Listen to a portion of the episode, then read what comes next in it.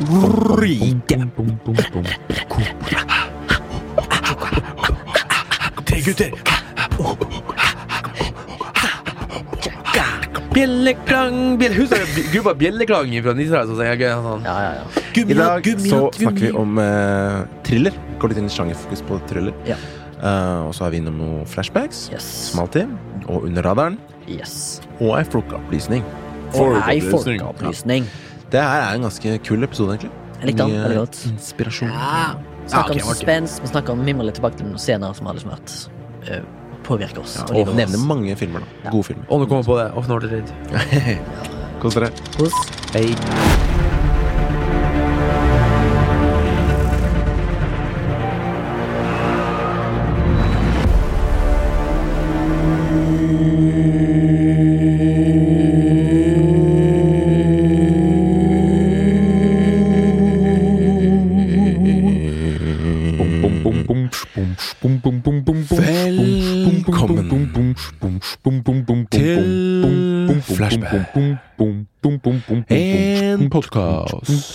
om film og.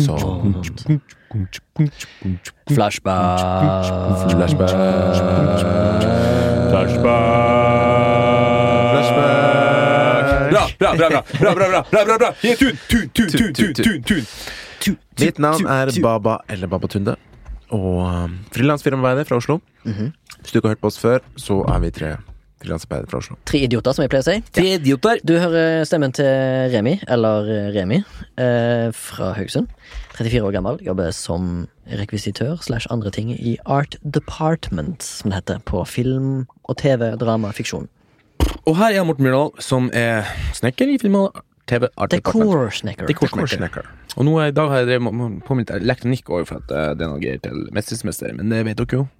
Dere som vet, som er fastlyttere, vet at Dere som ser på Mestermester, vet at smått dette ting ned fra taket, som en lys i. Somebody has to make it! Og hvordan tror dere det skjer? Jo, magnetet, magnetisme. magnetisme Magnetisme. Og det må man lage på sparket. Make, make, make, make, make. Og uh, den stemmen her kommer du til å høre mye av, dessverre. Jeg prøver liksom å stange ned meg sjøl, og jeg har hørt gjennom episoder. Uh, jeg, jeg prøver å høre gjennom episodene ofte for å eh, utdanne meg sjøl i min egen metakognitivitet. For jeg mener at et ansvar vi har som medborgere i et samfunn, er at vi må jobbe med metakognitiviteten. Vi må hele tida strebe etter å bli bedre medmennesker. Og mitt, et av mitt problem er sånn som jeg gjør akkurat nå. Jeg prater altfor mye. Jeg tar over jordet. Bla, bla, bla, Men jeg gjorde en kardinalsyn her for uh, Jeg skulle egentlig ta det opp forrige episode, glemte bort. Nå tar jeg denne episoden her. For episode to, to episoder siden, så var uh, Horse Girl. Horseman Girl. Whatever. Der var jeg eh, on fire over, for da var jeg sånn lenge så har jeg i studio. Helt sånn, Prata masse greier. Men da, da, der- derfor så hadde jeg planer om å komme med en beklagelse til deg, Remi. Ok, En direkte beklagelse. jaha. For du der nevnte at eh, Vi snakka litt om psykisk helse, og så Ja. nevnte du at du mista en venn Ja. i sommer. Ja. Og du bare tuller jeg det bort. Og sa Ok. liksom at «Ja, 'jeg har iallfall ikke mista noen'. Og da jeg hørte det etterpå, så bare Oh my god, hva faen holder på med? tenkte Jeg Jeg må faktisk støtte meg på arbeidet når jeg om dagen. Jeg, jeg var helt, jeg var helt ifra meg sjøl. For jeg hadde jo. Jeg har jo mista kompiser, han har på seg ofte, eller flere ganger. Helt sånn, det var utrolig ufølsomt av meg. Så jeg må bare komme med en oppriktig beklagelse Ja, nei, takk, eh, men ingen, ingenting å beklage. Jeg mener at eh, alle mennesker der ute er frie til å si akkurat det de Var jeg også sånn? Jeg har ikke hørt det, men jeg følte at jeg var litt Du er aldri sånn. ja, men, uh, Du er bare godheten selv. Alle bare trekker til deg som flua på hestekuken. Ingenting å beklage, Morten. Jeg vet at du ikke mente noe med det. Jeg la heller ikke merke til det, men nå er det iallfall ute på internett at vi begge to er venner igjen, selv om vi Ja. aldri har vært uvenner. Nei, men jeg bare sier at eh, det er det man Altså, vi alle sammen må gjøre det. Vi har et ansvar å leve i et samfunn der vi ikke skal fløyte på hverandre, og vi skal ikke rope og kjefte. Selv om man Jeg føler for skulle, det. jeg skulle til å fleipe med deg nå, for jeg tenkte du sa du har studert deg sjøl og lærer. Uh, og tenkte jeg, Skal du òg lære deg diksjon? For av og til så går det så fort at jeg ikke skjønner hva du sier. Ja, det er også et problem. Så jeg, det, det trener jeg på. Og, og bestemor bruker å si Du må snakke litt saktere, Morten. Og jeg trønder. Mm. Bestefar òg, han har det ikke an. Men eh, bare så du har sagt, Morten, jeg opplevde ikke at du var kald eller kynisk når du sa det du sa. Jeg tenkte ingenting over det, og ingen fornærmelse. Jeg blir alt fornærma av ting. Jeg mener at folk må få lov til å si det de ønsker, og det er bare ord. Ja, men ord er jo på en måte også tryllekunst, som han eh, Men jeg har blitt mobba i tolv år, så det er verre enn å høre at du sa noe som jeg ikke la merke til engang. Russell Brand uh, i et av de podkastene der, s- så er han, en- han er professoren sier det at liksom uh, Ord er på en måte trolldom. Mhm. Og det, det er en jævla fin episode. De snakker liksom om liksom at, at i gamle dager de snakka om liksom tryllekunster og magikk og sånn, så var det faktisk ikke tull. På grunn av at ord har en sånn kraft. Mhm. Hvis at jeg sier til deg at deg og dama di at nå er dere gift Nå snakker du til Baba, fordi jeg har ikke dame. Ja, jeg peker på Baba, ja. Ja, men det ser ikke lytteren. Eh, så er det plutselig Når dere er gift, så plutselig så er det masse ting som, som bare kommer, da. Liksom trer i kraft på grunn av at man har sagt det ordet. Ja. Man får liksom skatteletter, man får liksom arv og bla, bla, bla. Så det er sånn, ord er magi. Både negativt og i positiv forstand. Derfor så må vi være litt forsiktige med hva vi sier. Vi, må liksom, vi har to ører og en munn for at vi skal høre litt mer. Og jeg er jo for fæl! Jeg er fæl! Bla, bla, bla, bla. Ja, men det er bra, det. Vi trenger en Men, eh, Har du ikke hørt om eh, The Law of Attraction? Universets lov? Ja, Nei. Nei. At det du sier, da jeg har hørt om Eller- The Secret, tenker hvis du tenker på den. Mm, Jeg har ikke sett filmen som heter The Secret. men det er litt... hvis du vil noe løy- mye nok, så får du det til. Ja. Hvis du tenker på det mye nok. Nei, det er bullshit. Åh, nå må vi ikke begynne med sånn spirituelle greier. Jo, det kan jeg sier det, jeg sier det. Jeg sier det. Jeg bare Ja, sier det. ja, ja, Jeg ja, bare sier ja, ja. det. Nei, vær så god. Nå Jeg skal ikke jeg, være- det. nå skal ikke jeg være upersonlig. Vær så god. Det er fakta. Men er du klar Det er min- over det er min hva jeg standard. ville vunnet på Lotto? Jeg ville jeg ville det hver dag siden jeg ja, var men, ti du, år. men du er i tvil. Du vet jo at det ikke skjer. Ja, jeg hadde lyst til å bange Og det er det. Pamela Anderson i 14 år. Fikk Men det aldri det til. sier. Hvis du har en ren Et rent ønske, da, uten tvil, så tiltrekker du deg selv. Men det gjelder både posit Men hør da, bare, men det gjelder positivt og negativt, da. Ja. Hvis du er liksom det, altså, det er rett og slett bare det Heldigvis er jeg i tvil om jeg skal få krefter, så får jeg ikke det. i hvert fall. Nei. For det, det er liksom i enkelhet, da. Det du fokuserer på, det tiltrekker deg. Ja. Samme om det er positivt eller negativt. Men hvis du fokuserer på å ikke få kreft, så får du jo kreft, Morten. Hvis, Yes. han, hvis han sa det sånn som det var, da. Kan tenke deg til kreft. Det er det som er greia, da. For hvis du er veldig redd for noe, og du tenker på det hele tida, så kommer det til det. Så egentlig vil du si at uh, det er hogshit, det du sier, Baba, men uh, det er fortsatt noe som Det, det gjør, gjør faktisk noe positivt for deg om. Ja, Du, du, du bestemmer selv. Ok. Hvem er det som sier det? Han er legen du sitter siterer? Nei, det her er Hei, ikke kom med noe skeptisk syn nå. Nei, nei, nei, nå skal ikke vi Jeg har jo hørt på han eh, Russell Bland han, han, han, er han, sikkert snakka litt om Tør det. jeg si Ja. Russell Bland av og til, eller, Morten? Bland? Ja, at han kan være litt tørr. Russell. Ja. Wow, wow, my English is like Han er, han er liksom, han skal Han er på lik, lik linje med alle andre som skal prøve å være genuin på internett, som skal prøve å få seg et yrke eller en karriere ut av det. De må komme med ting hele tida. Ikke alt er on par. Det gjelder denne podkasten her òg. og sånn er det han òg. Av og til Ja, kommer ja. han med noe som er bare sånn tørrvittig bull. Altså Han er jo en han- underholder i første omgang. Ja. Og så sier han jo det at han har lyst til å utdanne, og sånn Og det er jo på en måte en i beste fall en heldig bieffekt for oss, da. Mm. At, vi, at han inviterer såpass, og han har liksom den eh, evnen til å trekke til seg sånn hyperintellektuelle folk, da. Og vi kan få høre på det. Det, det er genialt. Det er genialt for konseptet. Fordi at han har star power nok til å få gjester som er veldig interessante. Akkurat som Joe Rogan og andre. Og jeg kan jo begynne med min flashback, for jeg har Altså, Hva er en flashback for nylyttere? En flashback er en et tilbakeblikk. For, Forutenom tittelen på podkasten. Ja, det er et, eh, en spalte vi har som helt i starten, der vi tar et kulturelt tilbakeblikk på uken som har gått. I dette tilfellet nå så har vi litt sånn litt kortere krens her nå, i og med at vi har kjører en dobbeltepisode, for jeg skal bort. Men det er jo ting som vi har gjort, og det kan være, vise seg å være en bok vi har lest, musikk vi har hørt på, film, TV, TV-serier, dramaserier eller lamafarm. Eller la meg få Eller alpakkaklappen. Alpakka, mente jeg. Fuck. ikke det, vi må huske at vi har en framtidig eh, En, vet, fremtidig Snart kommer oppgave. komme med en alpakka inn her. Ja, ja, men, vi kommer, vi må ha noe, Så spytter dere i trynet begge to. ja, ja. Men vi må ha merch. Vi må ha bilde av Baba og en alpakka. Du, apropos merch! ja. Hei! I dag går det med flashback. Flashback. Det, Det er, det, er det hyper Du ble du å ha den på når du har spilt inn. Så det er ganske gøy. Ja, det synes jeg. Er det hypernarsissisme å gå med merch, sin egen merch? Hvis du er for eksempel Hvis du spiller Metallica og går med Metallica-T-skjorte, da synes jeg det er hyper narsissistisk. Men ikke, ikke nå, Morten. Du kan gå med Nei. Nei. det er jo basically bare han Jon og han eh, Ola som hører på. Nei. Ja, altså Du har han Magnus, Magnus, ja. Maria, Maria. Eh, Maria, Maria, you're my, my Story. All right. Hva var flashbacken din da, Morten? Det var det at jeg har egentlig konsumert jævlig lite. Nå er som sagt en dobbeltepisode. Folk ikke skal på det. Men uansett, jeg, jeg har hørt mye på han Russell Brando, jeg eldste. Og for å mikse litt opp da med litt sånn mer jovialt, da, så jeg hørte på eh, den der eh, verdibørsen fra NRK P2. Og så har jeg nå tatt opp da igjen i litt sånn i spirituell ånd av det her Russell Brand-serien, da som har som, som, som sagt så mye gøy, har jeg begynt nå med full on med, med, med headspace igjen. Meditering. Morgen, ti minutter. Og av en eller annen grunn, jeg vet ikke hvorfor, det er ti minutter skal ha mye si, men jeg føler meg så mye mer opplagt og så mye mer klar når jeg drar på jobb. Liksom klar. Det er sikkert bare Altså, det kan godt hende placebo, men hvis det er det, så er det faen ikke det fungerer. Mm. Jeg bare setter meg ned og fokuserer kun på At ræva mi presser ned fjæren i stolen, liksom, i ti minutter. Og at det er noe i kroppen Noe kroppen min rører seg når jeg puster. Så brystkassa går opp sånn. Han begynner seg, Jeg har det som heter guided meditation gjennom headspace. Da, som er liksom, Ja. Du får en hel Du får ti eh, sånne eh, runder gratis, da. Og så er det vi snakka om i forrige episode at det koster litt, grann, men liksom, du kan få noen abonnement gjennom Spotify. Der han liksom sier sånn Sett deg ned, bare slapp av. Og så skal liksom Soft focus. Og så skal du liksom puste inn med nesa. Ut med munnen noen ganger, ikke sant. Og så On your next out breath, close your eyes gently. Og så bare åh. Og så, bare sånn, så skal du fokusere på lydene rundt. Og så skal du fokusere tilbake på kroppen. Og så skal du kjenne hvor tung du er i stolen. Og det bare sånn Da kjenner jeg hver gang du gjør det, selv på morgenen, så så siger skuldrene mine ned. Så jeg er liksom sånn tens. ja. Og så- og så vet du du går skal ut i 45 minutter med traffic. Ja, ikke sant? Ja. Nei, men det, her, det er om morgenen. Mhm. Det er her om morgenen gjør det. Liksom. Ja. Og det er så rart at jeg er såpass tens allerede etter et stopp. Koster dette noe, Morten?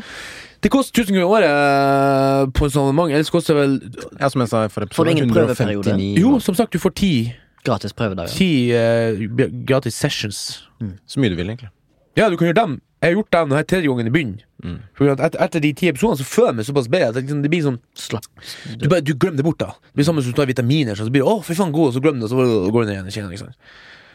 Ja, det, er Um, typ, det er supert. ass. Ja. Jeg anbefalte før. Jeg anbefalte på uh, MILF-episoder, tror jeg. Men eh, det er liksom eh, han uh, Hariari, han som skrev uh, Sapiens, da, han mediterer jo to timer om dagen. Der han har sånn nullfokus. Han har ikke guide, han har sånn full blown fucking meditation motherfucker. Han eh, har bare sånn nullfokusmeditasjon, at du skal liksom fokusere på ingenting. Mm. Og det er det, noe med det vanskeligste. For folk angiveligvis uten trening klarer ikke min 20 sekunder. Og han gjør det en time om morgenen en time om kvelden. Og da han sa har ikke han gjort det, så han ikke klart å skrive eh, Humans, og nå Deus eh, ja, Deus noe. For det som, det som er greia, da En du, annen bok. Faen, jeg er mesteren i forberedelse! På navn, iallfall. Uh, det skal du faen meg ha. det som er, det, fordi som han sier, da, det er dritvanskelig. Fordi det som skjer når Si hvis du aldri har meditert før, når du setter deg ned Du ser hvor ekstremt mange tanker du har. Mm. Hjernen bare bom, bom, bom. Det er det som er fint på Headspace. ja, ja. Det er teknikken med den motorveien. Og du skal se for deg at du står på sin motorvei, så ser du en tanke komme ut som lastebil, og så bare sender den bare videre. ikke sant? Dopplereffekt. Du skal ikke følge den, du skal ikke hoppe på Nei, nei, nei. For det er det du ofte gjør når du sitter sitter på i, i 45 minutter på motorveien og venter på å du komme til podkastepisode. Kult. Ja, Jeg men, kan eh, ta Takk for meg. Kjør på. Jeg, jeg har sett en, konsumert en film på Netflix. Yeah. Blir bare på Netflix. Jeg så um, First Man. Oi! Med- Damien Chazelle. Damien Chazelle som er regi, og Ryan Gosling og Claire Foy hovedrollene. Blant annet mange andre kapable og flinke skuespillere som er med. Som uh, jeg har hatt lyst til å se, egentlig, fordi jeg syns jo uh, universet er gøy. Og, Så du, Ryan Gosling er deilig jo litt, egentlig? ja, han er fin. Ja, han er ganske fin, altså. No homo. Han er, No homo. han er faktisk uh, Ganske deilig. kul. Ja. Mm. Kjekk mann. Fint hår. Kjekk, kjekk, kjekk. Cute, Akkurat cute, cute. passe liksom markert muskler. Ja. Og så er det sånn Oh, Sånn layback, Og så er det. Canadian i tillegg. Er det? Åh, kult. Bra, er amerikansk. det, jeg kan anbefale liksom historien om eh, Selvfølgelig første månelandinga, da, og um, eh, Han spiller jo Hva heter han? Neil Armstrong? Er det Neil? Nå glemte jeg det. Eh, Jo, det er Neil Armstrong, Ja. selvfølgelig. Eh, og hans på en måte Er det personlig Buzz Aldrin? Ja, det er han, han reiser med, da. Ja. Opp liksom et par år før, og så opp til selve landinga. Eh, så du ser liksom både det det fokuserer egentlig ganske mye på hans personlige reise og liksom hjemlivet, og hvordan han sliter med tap av datteren. For det visste jeg ikke at han, han og kona, som spilte av Claire de mister jo en to år gammel jente eller noe til en sånn ganske aggressiv kreftform. Som preger ham veldig mye denne tiden. Hans måte å liksom cope eh, var å jobbe. Liksom bare jobbe, jobbe, jobbe. Mm. Typisk liksom- mann. Typisk. Eh, og jeg tror jeg titta litt på det etterkant på Google, men jeg tror det er sant at liksom Eller for dattera er jo sant, da, men at det var sånn på en måte han måtte Det bare sånn han gjorde ting, da. Eh, Faktisk basert på en bok også. Men jeg syns det var en eh, interessant film. Spennende fra start til slutt. Den har fått sånn kritikk for at den er kjedelig, i og med at du liksom vet hva som skjer og sånn, men jeg likte Jeg fulgte med i historien. Jeg var med hele veien. Og kult foto, veldig sånn gritty søt- 60-talls, 70-talls.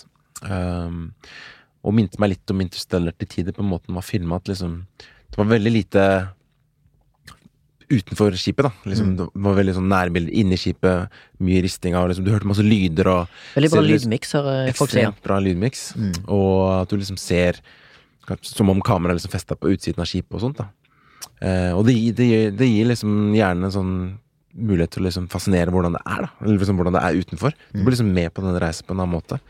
Kanskje det også var billigere, men jeg likte det. Det var liksom mer sånn ekte. Slapp å ha for mye sånn CGI, for eksempel. da Det var liksom bare sånn nitty-gritty og masse knapper og som du elsker. Og så føler du, så blir det vel kanskje mer sånn følelse at du, at du, er, at du er på en måte med. Ja. For at når du ser alt, liksom Du ser på lite knappenåls eh. Mm. Det var veldig intens, da. Så den eh, kan jeg anbefale. Den var kul. Kul film. Kult. Jeg har faktisk sett den halve sjøl, men jeg tror jeg eh, måtte gi opp. Nei, sovna ikke. Måtte gi opp. Eh, tatt den på pause. Her var Blu-ray. Uh, Remi sin flashback, altså mannen som snakker nå. Gutten som snakker nå. Eh, jeg har eh, to kjappe ting. Eh, jeg vet ikke om jeg nevnte det før, men jeg har kjøpt meg eh, Ghost of Sushima på PlayStation. Spilt gjennom det. Jeg har ikke spilt gjennom det. Har, Har du runda allerede? Nei, jeg har ikke det. Jeg holdt på med det. Uh, spilte litt, en del. eh, På ny min- TV-en. På nye HDR-TV-en. Uh, Nice. Og det er jo et spill som er helt perfekt for det. Eh, bra immersion. Eh, du spiller en samurai som springer rundt på øya, øygruppa Tsushima. Prøver å redde deg fra mongolerne. Bang! Fett spill. Bra greier.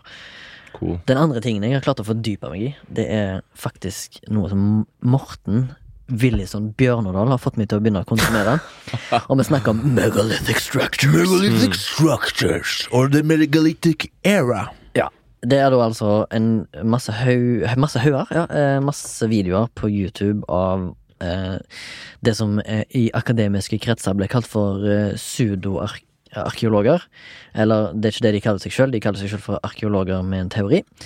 Om at eh, det har fantes eh, en De har og tror at det har fantes en sivilisasjon før det etablerte sivilisasjonen som står i historiebøkene, er liksom oppnevnt, da med tanke på at de utforsker arkitekturen i de forlatte oldtidsbyene de finner, eller gamle ruiner og settlements. Og så har jeg blitt veldig oppslukt i det, og syns det er veldig interessant hvor, hvordan de setter fram bevisene sine. Men eh, som sagt, som, all, eh, som alt annet, så er jo beviser kun ord og Ja. bilder. Kan ikke bevises, eh, bortsett fra med allerede etablert vitenskap, sånn som for eksempel at de vet at folk i Egypt ikke hadde andre redskaper som var bedre enn bronseredskaper. Litt vanskelig å kunne lage steiner som er 1000 tonn, da, og få frakta dem. Og så som, som er på liksom skalaen 7, 8 av 10, der diamant er 10. Ja. Og da må du ha enten noen som er hardere, eller noen som er like hardt. Og så er det noen som, har, som de regner med er hvis de, de, Disse her folkene mener jo selvfølgelig at disse steinene her Egypterne har funnet disse her, akkurat sånn som vi har funnet eh, Valley of Kings og Giza og alt det greiene Ja, ja. der, og Asteker-ruinene. Vi, vi har funnet det som den siviliserte verden vi er i. Mm. Akkurat på samme måte som de mener at astekerne fant det sånn, de òg, og så har de bare bygd litt sjøl på det. Estek- Estekerne, egypterne, inka Ja. De har funnet det, og så har de bygd videre. Sånn som vi egentlig har gjort med pyramidene. Vi har laga en attraksjon av det. Ja. På en litt annen måte enn det de gjorde, da. Men de hadde jo sikkert andre verdier. det er, i alle fall er superfascinerende. Så kom jeg over en video av at eh, bare for to år siden så hadde de brukt en sånn LADAR. Mm. For å finne sånn bak De har bakkeradar på bakken, sånn sonar Mm. slash radar på bakken over jungelen i Sør-Amerika en plass. Tror det var Peru eller om det var Bolivia eller et eller annet. Har funnet under jungelteppet, sånn uutforska område, har funnet en millionby. Mm. Rett og slett ja, bør- over 60 000 structures. Mm. Og når de har kartlagt alt i løpet av to år nå, så har de funnet ut at det muligens kan ha hatt så mye som 10-15 millioner mennesker som bodde der. Men de har ikke, de funnet de har ikke begynt ennå å gå inn der. Nei, de har ikke det, fordi det er så mye å kartlegge. Det er, Men det er liksom, det er liksom i vegetasjon. Det er ikke under jorda. Nei. Så den har vært der hele tida. Mm. Men den har liksom vært så langt i jungelen. den- Og sammen med samme leidarteknikken har de funnet da hulrom og ganger under Sfinksen, Mhm. og et til kammer inni den største Keopspyramiden, som er like stort som dronningens kammer. Mhm. Som er liksom rett ovenfor, liksom.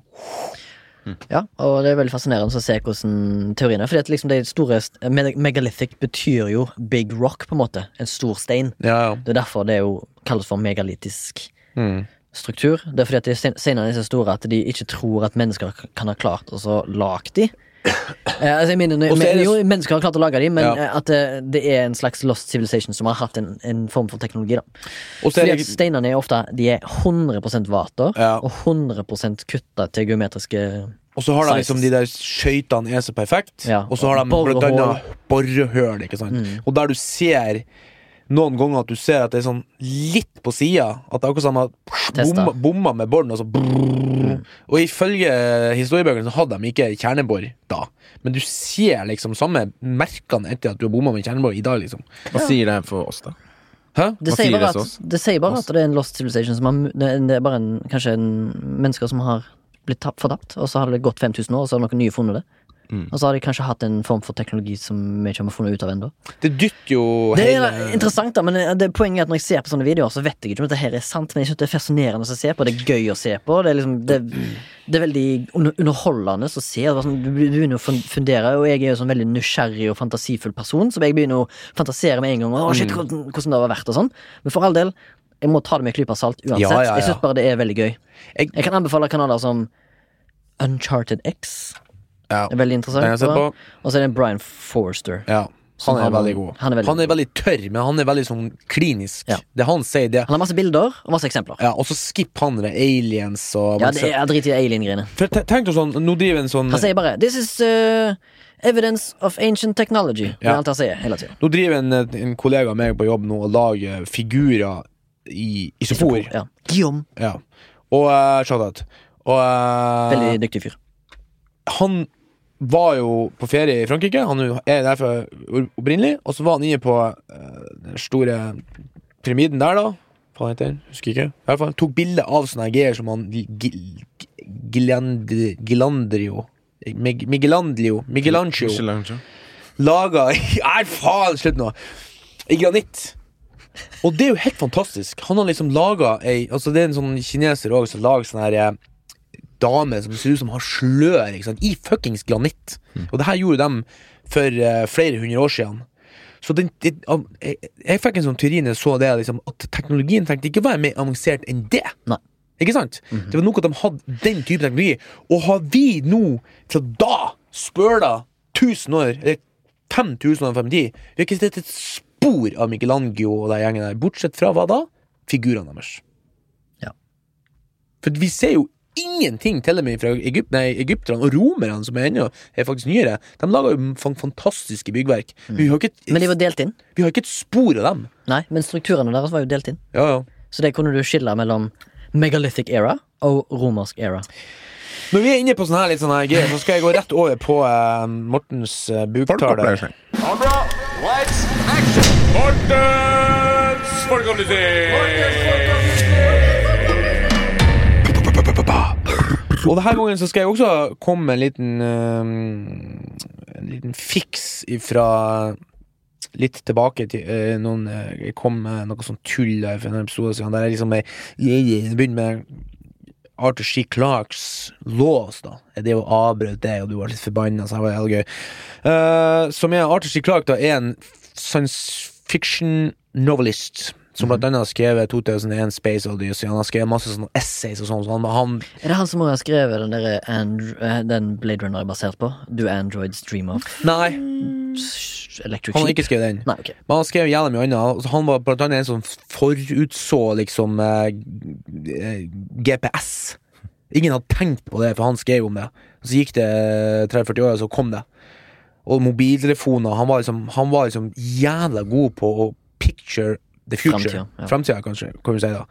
Og de første lovene hans liksom skrev han allerede i 1962, og det var ikke en, så mye som en lov som at uh, han bare siterte noe i For han skrev en del sånn essays og ga ut i sånne, her, sånne samlinger med sånne her framtidsvisjoner. Sånne her. Og de første lovene liksom uh, var faktisk Jeg tror det var forleggeren hans som eh, Som liksom uh, sa at her er det jo faktisk noe lov. Nummer to òg, det var liksom fansen bare som tok ut. Så, og den tredje, det skrev han faktisk, da, for da begynte det å bli litt sånn gimmick. Da, at han hadde liksom laga tre sånn lover om predict, predictament Predicting. Predicting. Eh, som er jævla kult, da. Og jeg har lyst til å sitere de lovene, for det her er liksom jævla kult. da Han har liksom basert mye av sin liksom eh, Måten han har liksom visjonert hvordan framtida skal være. da Den første loven er liksom den jeg sa som var nummer tre, da forrige gang. Men det er den When a distinguished but elderly scientist states that something is possible, he is almost certainly right. For så, Dess eldre du blir, dess mer god du blir, dess, da kan du mer og mer og mindre og mindre. Så hvis, han ser, hvis, du, hvis du sier at det her går, så har han mest sannsynlig rett. Men den der at du kan mindre og mindre om uh, mer og mer, og dess, dess mer spesifisert du blir, da vil du også se at den andre delen av den loven er at when he states that something is impossible, he's very probably wrong. Det er derfor at liksom unge liksom framtredende forskere blir liksom ofte avfeia. De gamle de, de, de klarer ikke, de har mista litt av breddesynet. breddesynet. For de er så spesifisert. Tenk å ha lest om bare én type bilder liksom, i 40 år. Da blir du ganske sånn trangsynt. Lov nummer to er at the only, og her er ganske spennende The only way of the, uh, discovering the limits of the possible is to venture a little way past them into the impossible. Det er sånn som for eksempel Head-on Head-on Collider, den store i Frankrike. Ikke noe, de liksom krasja to atomer mot hverandre. Vi var ikke, vi var ikke, vi var ikke 100% sikre på hva som kom til å skje. Har du vært der? Jeg var ute forbi, vi prøvde å få pass til å komme inn, men det er sånn venteliste på flere måneder. Fuck shit, jeg og en kompis Vi, vi tenkte vi skulle bestille sånn tur til det der. Ja. Discovery. eh, Vi bare kjørte der, vi kjørte forbi, så vi stikk innom og så gikk vi innom. Jævlig strengt opplegg, men vi fikk se strukturen ut forbi. Vi var ut forbi eh, fasilitetene. Ah, fuck shit. Det, men da, eh, det her er Fuck shit. Det er norske Ny T-skjorte-konsept. Fuck shit. bladet som kom ut som het vitenskap. De hadde sånn turer, arrangerte turer til det. Altså et sånt laboratorium på Hawaii, tror jeg. I hvert fall, her kommer nummer tre, da. Uh, som også er liksom den som kanskje også har vært ikke sitert mest, men liksom har gått igjen i litteraturen siden liksom vi begynte å skrive. Og det er den som heter for Any sufficiently advanced technology is indistinguishable from magic. Og den har vært Han har ikke på en måte funnet på den, han har bare skrevet den i, i sine ord, da. For den har liksom vært Altså, du har variants of the third law, som er liksom hele lista, da. Det er liksom helt tilbake fra Hva var det eldste, så jeg husker ikke, men han var liksom fra 1800-tallet, liksom. Der liksom de skrev at liksom magi Altså, det er jo basically det at hadde du visst en mobiltelefon til en fyr fra 1800-tallet, så han kom til å brente det på bålet, for han trodde du var en heks. Og det at vi, når vi, ikke, når vi, ikke, vi blir veldig fort nervøse over ting vi ikke forstår. Og da på en måte med en gang tror vi at liksom Eller liksom Hvordan går det der an, liksom? Hvordan kan du skifte dybdefokus etter å ha tatt bilde? Hvis det kommer så kamera som kan gjøre det, alle bare «Ah, det ikke det må være fake, liksom. Ingen som tror på det. Altså deepfakes. Deepfakes, ja. Ja. Og det er også litt sånn her, nesten magi. Det er sånn, det går nesten ikke an. Ja. Nei, jeg skjønner ikke hvordan det går. Så han, eh, den loven er jo veldig sånn aktuell nå, da. Og den er liksom hele tida. Og det, jeg føler alle de tre lovene er liksom aktuelle hele tida. Sånn sammen med det her eh, at du have to venture a little bit into the impossible. Samme Sånn atombomba. vi- De var ikke 100 sikre på når de slapp den først, testa første atombomba, at ikke den der kjedereak- at, det, at det kom til å bli en kjedereaksjon. Liksom hele jorda bare Nå vi splitta atom første gang, liksom. Så det er liksom sånn Litt sånn eksperimentelt. Det er det. Og så må du bare etterpå skrive 'Å ja, det er det som skjedde', ja. Skriv det ned. Da har du på en måte tatt neste, neste skritt. Og sånn som når Crash 2 Det var da som fant de her God particle de trodde. Mm. Og de så det at partikler forsvant og kom tilbake. For at du, det er helt sånn at de skal ikke kunne ja, du skal ikke akkurat det var og noe, men energi skal jo ikke kunne forsvinne. Ikke sant? Men så målte de det at i millisekund så ble liksom et foton borte. At da hadde det kanskje vært i en dimensjon, for eksempel. Hvem som vet? Spennende å se. Fremtida blir mye spennende. Jeg har mye uutforska ennå. Out there. Se Spirituelt, det er det ikke Glisa. Det er Nei. Kan forklares. Just give it time, son. Nei, det var nok fra det her hjørnet. All right. Da vi hopper vi inn i hovedtemaet i dag. Mm. Hvor vi skal snakke sjangerbasert. Ja. Eh, mer spesifikt om thriller. The Thriller. Ja, jeg tenkte øh, Vi snakket om dette på chatten, og sånn, og det var kult å highlighte sjanger da, og ha det som fokus. Det er jo en fin måte å lage en serie på, Mm. som kommer litt sånn sporadisk. Ja. Så vi kan jo begynne på thriller. Thriller. Thriller. Det er kanskje min favorittsjanger. Filmsjanger. Du liker å skrive da? du gjør du ikke? Jo, når jeg skriver. Ja. Så det, jeg synes det, er, det er de filmene jeg ofte syns liksom er mest spennende, da. Jeg liker liksom en god drama eller science fiction eller liksom følelsesfilmer, men det er liksom Thriller, da, når jeg liksom er on the edge of my seat, som jeg kommer tilbake til, det er liksom da jeg trives mest, kanskje, i kinosalen. For det er så, inn, det er så involvert og engasjert og spent, liksom. Jeg blir dratt i spenning. Så det her var uh, gøy å lese om, og det føler jeg at liksom kan litt om også, da. Kanskje. Det gjør en uh, Altså, det finnes jo masse sånn subgenres for thriller. Kan, kan, trenger ikke gå inn på alle, kanskje. Nei, men det som gjør en thriller en thriller? Vi kan jo nevne det, for at det jeg syns er kult med thriller, er jo nettopp det at liksom Jeg føler at thriller er kanskje den som er mest har, Kan ha flest subsjangre. Og oftest så står det jo thriller mystikk. Og det er den type thriller jeg elsker. Sånn at Som har liksom sånn snev av Nei, ikke nødvendigvis høyest, men at du har et slags snev av noe sånn her sus... Ikke grøss, men sånn her, hva heter det? Sånn her eh, Spenning. Ja, men sånn her Suspens. Nei. Ja Uh, Så, eh, super, du mener super Ja, Supernatural. Supernatural, ja. Ja. At det er liksom sånn her Sånn som for eksempel um, Uover... Una, un, unaturlig? Nei. Ja, Ov- overnaturlig. Overnaturlig. tenker, du på, te- tenker du på den filmen som heter Don't Look Now? ja. Nei, den er jo mer sånn eh, Jeg vet ikke om det er en thriller, egentlig. Men ikke. liksom sånn Ninth Gate, liksom. At du, at du, at du følger djevelens advokat. En som Den, er den bruker jo ja, Og så ja. er han faktisk djevelen, liksom. Så er liksom sånn Er, er han det? ja, sant. Men eh, sant? Roman Polanski er vel en veldig anerkjent thrillerregissør. Han har jo Chinatown, han har Ghost Rider, han har jo den som du sa, Nine Gate. Rosemary's Baby. Men, så, men så føler jeg til thriller ofte har sånn Det er kanskje den som har mest sånn utblødninger til andre.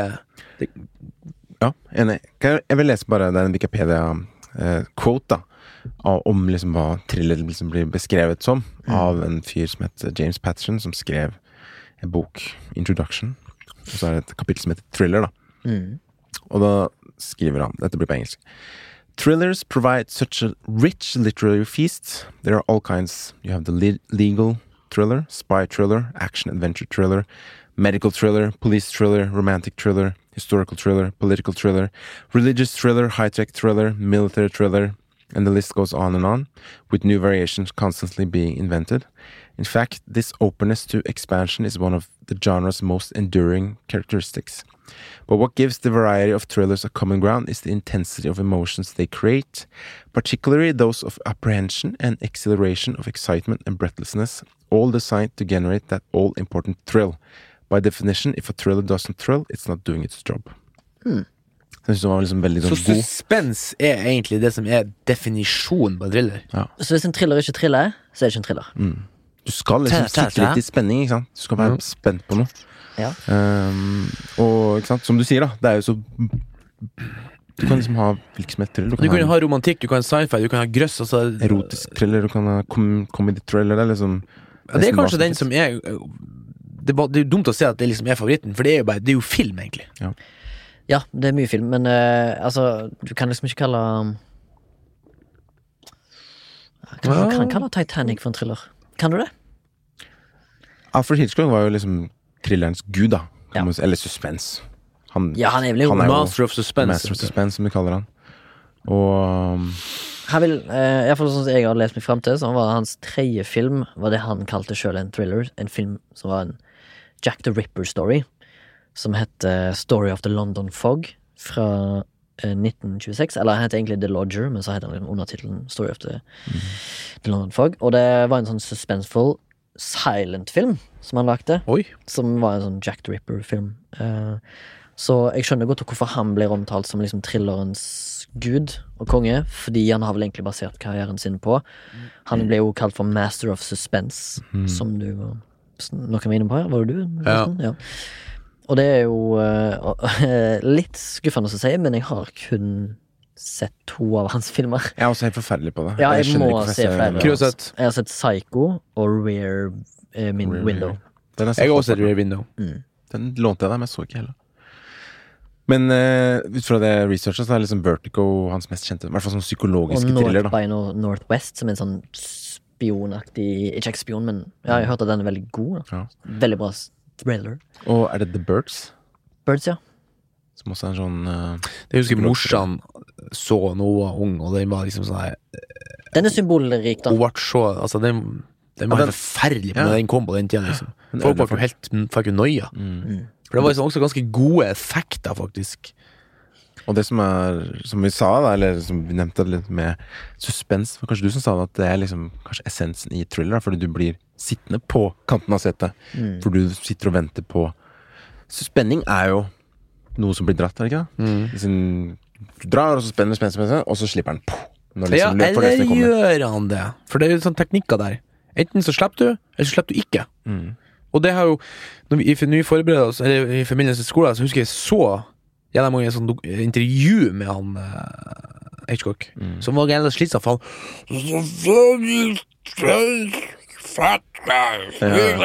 Det var vanskelig å høre på han. Altså. Han var sånn her Og så var det sånn, fikk, han, fikk han litt sånn her Jeg tror ikke han var så veldig sånn her det når du er sånn her eh, En person som er liksom hyggelig å snakke med? En sånn her eh, Jovial? Ja Eh, ydmyk? Nei, jeg vet ikke. Skjønner kanskje Ja, jeg tror ikke han var så kul en fyr og liksom Jeg tror ikke han var så kul å jobbe under han, for han, han er litt sånn, han er litt sånn sånn her eh, En raring når han snakker. Mm.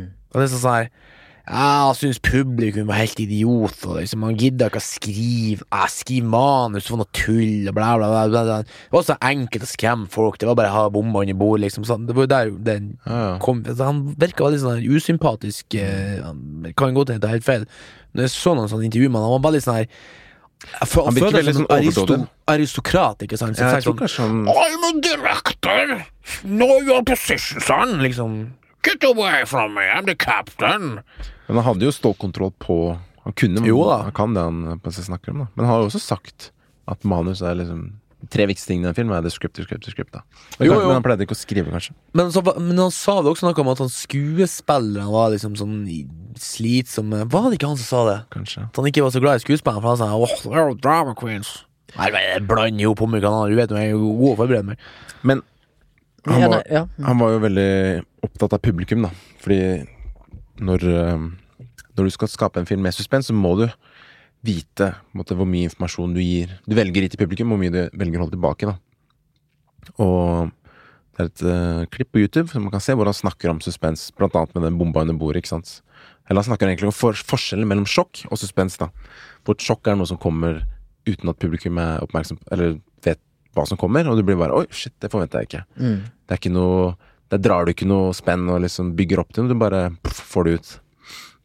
Men suspens er, som han eh, fortalte, da, at eh, du gir publikum informasjonsbit som en av karakterene vi følger, ikke har, da. Så du vet noe som skal skje, men som karakteren ikke vet. Og, Ja. da, og du kan ikke gjøre noe med det. ikke sant? Og da er bygger du suspens, eller det er iallfall et middel. Det bygger med suspens, da. Mm. Jeg skrev ned en eh, å si, notat her. Kan jeg lese opp. Det går fint. Han sier, ikke sant eh, Publikum opplever suspens eller spenning når de forventer at noe ille kommer til å skje. Mhm. Så du får informasjon. Dette kommer til å skje. Eller noe bygger opp Gi et godt sant? eksempel, da, hvis du har et. Eh, for eksempel i No Country for Old Men. The coin toss. Nei, Ja. den, den føler jeg litt sånn Jo, du vet at noe ille kommer til å skje, fordi Det du har sett den han er jævlig intens, da! ja, ja, For du vet hvordan han er som person. Mm. Men det er første gang han bruker det Mm. trikset. Du bare føler at noe bygger seg opp. Men uh, Jeg kom på et annet eksempel nå. Ja. Jurassic Park. Når, det der, eh, når at T-rexen kommer. Det var en av de mest insane tense moments ever. med glasset Ja, nei, når, når liksom ledningen ryker, strømmen går, alle liksom, alt går galt. da alt, Nå liksom Og ligger alt til rette for at nå kommer T-rexen. Mm. Da satt jeg faen meg on the fucking edge. Altså, når jeg var sånn dretunge på ti år. vet du hva de gjorde det med den vibrasjonen i glasset? Mm, De festa en bassstreng på uh, Bilen. bilen liksom, som bare boom. Ja, for du nytter ikke å bare dytte bilen. Nei, det ble sånn vibrasjon. boop, boop, boop. Det er kult. Og det er bare tenk, tenk på så mye arbeid for så lite, som betyr så mye. For det er jo liksom Før disse karakterene i bilen ser det, da så vet vi oh shit, nå kommer T-rex. Ja, Da begynner det å bli før redd, ja. Ja. Mm. Så vi ser jo at wirene ryker. Noen av de folkene begynner å merke mistanke. Det begynner å regne, Mm. som er et symbol, Ja. som vi snakket om i forrige episode. Alt ligger til rette for at Steven Spielberg hadde liksom en perfekt dag på jobben de, de dagene de spilte inn den scenen med T-rexen. Mm. For det, det er en av de mest suspensfulle scenene jeg kan huske. Som er en av favorittregissørene til han uh, Eller han som faktisk fikk han til å begynne å jobbe med film. Han, uh, Hitchcock? nei, han Det snakker du. Han uh, Steven Spielberg. Steven Spielberg har jo ikke han Hitchcock har ikke sant? Ja, men han, han, Steven Spielberg er favorittregissøren til eh, Villeneuve. Å ja. Ja, ja. Trodde du mente at Hitchcock var til Steven Nei, det var- datt litt ut. da, Litt sent på kvelden. Men uh, No Country for All Men, altså, så tenkte jeg på disse scenene, for eksempel når han er på motellet, han uh, hovedkarakteren, Ja. protagonisten vår. Mm. Så vet vi at han kommer, Ja. men han vet ikke ennå. Så du sitter der og fuck, noe kommer til å skje. Kommer unna med Det blir liksom. en konfrontasjon. Og når de har snakket med han gamlingen inne på bensinstasjonen der, sånn Call her to health. Call it. Why? Life depends on it. Mm. But why? call Og jeg er sånn Call it, call it. Føles, du, du kjenner at du liksom begynner å kaldsvette. Ja, ja. Det er sånn jævlig ubehagelig. Ja, jævlig ubehagelig. Skal ha litt Eh, ubehag. Ikke sant? Så det er, du forventer at noe ille kommer til å skje, og så har vi, publikum, mer kunnskap om som historien eller handlingen han, enn karakterene spesielt. han blåser ut hjernen på folk, ikke Ja, sant? ikke sant? But Og det er spesielt ubehagelig, eller det blir spesielt liksom spenningsfullt fordi vi ikke kan gjøre noe for å forhindre det. Vi Nei, ikke sitter der som vi bare ser på at det skjer. Mm. Så sitter og venter i spenning. Vår igoende bohet, ikke sant? Sånn Get out of there, man! Get out of there! Ja, ja. Mm. Vi har lyst til å stupe inn. Classic skrik etter the movie screen. Mm. Og jeg har lyst til å legge en link i shownotes uh, hvor en fyr på YouTube som heter Entertain the Elk, ganske kul kar, Entertain the elk. Fortell, Entertain snakker om the eh, det her, da. Suspens versus sjokk. Og da har han et klipp fra The Birds som jeg ikke har sett, da. Men som jeg, bare jeg ser det klippet, så blir jeg liksom redd, ass. Fordi hun, eh, hovedpersonen blir jo angrepet av en fugl ganske tidlig i filmen. Og da kommer det bare sånn pff, som sjokk, liksom. Hva faen var det? Men da er det blitt etablert, ikke sant. Fu- Fugler er farlig. Og så er det en scene hvor hun setter seg ned på en benk utenfor en sånn kirke, hvor sånn barn synger sånn chanting, sånn, da, da, da, som er veldig sånn irriterende. Og så sitter hun bare og røyker, og så ser vi i publikum at en fugl liksom lander på sånn stativ bak henne. Og så er det veldig Han forteller da liksom det er veldig godt gjort med klippinga. At på en måte vi klipper fram og tilbake mellom det stativet. At det blir flere og flere fugler, samtidig som hun pusher inn på hun, hun dama da som har blitt angrepet før. Og så går klippene ganske fort, men det siste er liksom veldig langt. Lenge på henne, liksom. Står liksom 30 sekunder eller noe sånt. Og så endelig får hun liksom Da har vi masse informasjon. Shit, fuglene begynner å samle seg bak henne. Og så ser hun en fugl, og så følger liksom kameraet den fuglen. Oi, jeg blir så involvert. På um, over himmelen, og så lander den på det stativet. Og så ser du helheten. av Det er sånn stappa fugl, liksom. Og hun bare Ja. Og så er det ikke noe musikk, du hører bare den chantinga. Og du kjenner på kroppen at faen, det her var ekkelt, liksom. Og så går hun, liksom, prøver å komme til sikkerhet, da. Vekk fra det der um, farlige, da. Og det er så effektivt.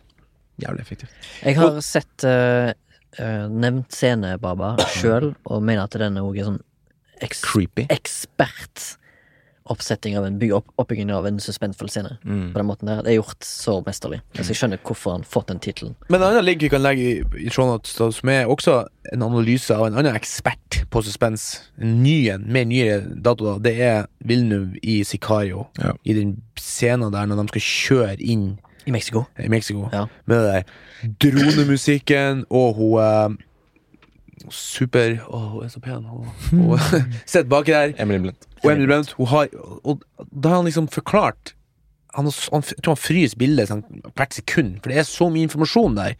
For da, da satt jo Tenker når de sitter fast på grensen. Ja, ikke sant? Jeg så fram til det, da. Og da setter man jo òg altså Det er sånn Krevan sa, det er sånn her, en av de lengste suspensscenene som er gjort i, i moderne film. Ikke for Og det som har skjedd før, en- før den scenen skjer, da. At vi har fått masse informasjon om at Mexico border er farlig. Der kommer Ja, det til å skje. Hele tiden. Det har blitt mata, mata, mata. De prater om det, de snakker om det, bla, bla, bla. Og så er det sånn Men så viser han liksom sånn at hun sitter uten våpen. Og så sitter hun plutselig sammen med noen, og så, er liksom, så kutter de utenfra, og de kutter inn igjen, så er hun der, og bla, bla. Og så ser han det at liksom det er det kan ikke være tilfeldig at det er gjort så perfekt, liksom. At det bare sånn, han, han ser det, han analyserer det, og når han forklarer det, så blir jeg Jeg husker jo ikke nå detaljene, men det var helt sånn Jeg, jeg fikk nesten sjokk. At det går an å ha sånn kontroll. Og når han Villeneuve da i tillegg se i intervjuet at når han klipper han, han lager filmen i klippen, sier han. Altså, filminga, det er nok Det er jobben. Roger Deacon som gjør det. Ja, det er jobben, og det er mareritt. liksom. Bla, bla, bla, masse jobb og jobb og jobb. jobb, jobb. Men når du kommer i klippen, da starter kreativiteten, og da på en måte lager han filmen på nytt.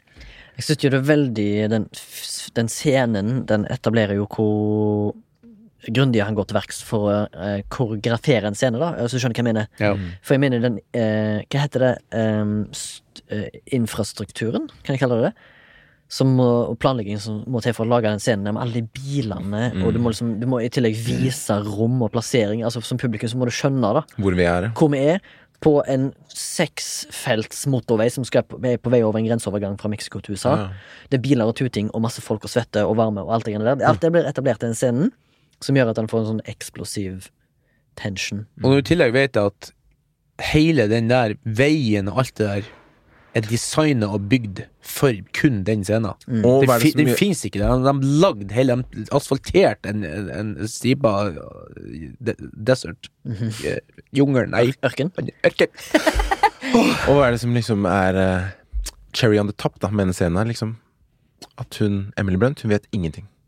Hun er jo vet faktisk ingenting, så vi er jo redd for henne. Det er bomba under bordet, liksom. Ja, men Så vi i tillegg sitter der No! No! Kommer til å dø. Og så er det sånn eh, Det som òg gjør scenen ekstra fin, syns jeg, det er at den ikke er sånn overdreven i action-avslutningen. Avslutningen er bare at uh, Benicio del Toro sin karakter skyter to eller tre skudd i hans sistemann, og så liksom tar han opp hendene som å signalisere til de andre at faren er over. Mm. Men allikevel så har de liksom Der har de nettopp bygd opp den en av de mest su- suspensfulle scenene i Men det er noe med moderne tid. klippinga der, liksom, han viser, og så er det også sånn at han, de skyter gjennom glass, og så er det plutselig at når, han, når det kommer jo en fyr inn i bilen til Emily Blunt, så hun skyter på et tidspunkt, og det er liksom Mm. sånn at eh, Liksom Først så ser du hun innenfra, og så ser du utenfra, og så er han inni der, og liksom alt han forklarer, liksom, så ja, det er det jeg håper jeg finner klippet, for det, Ja, det syns jeg publikum fortjener å se.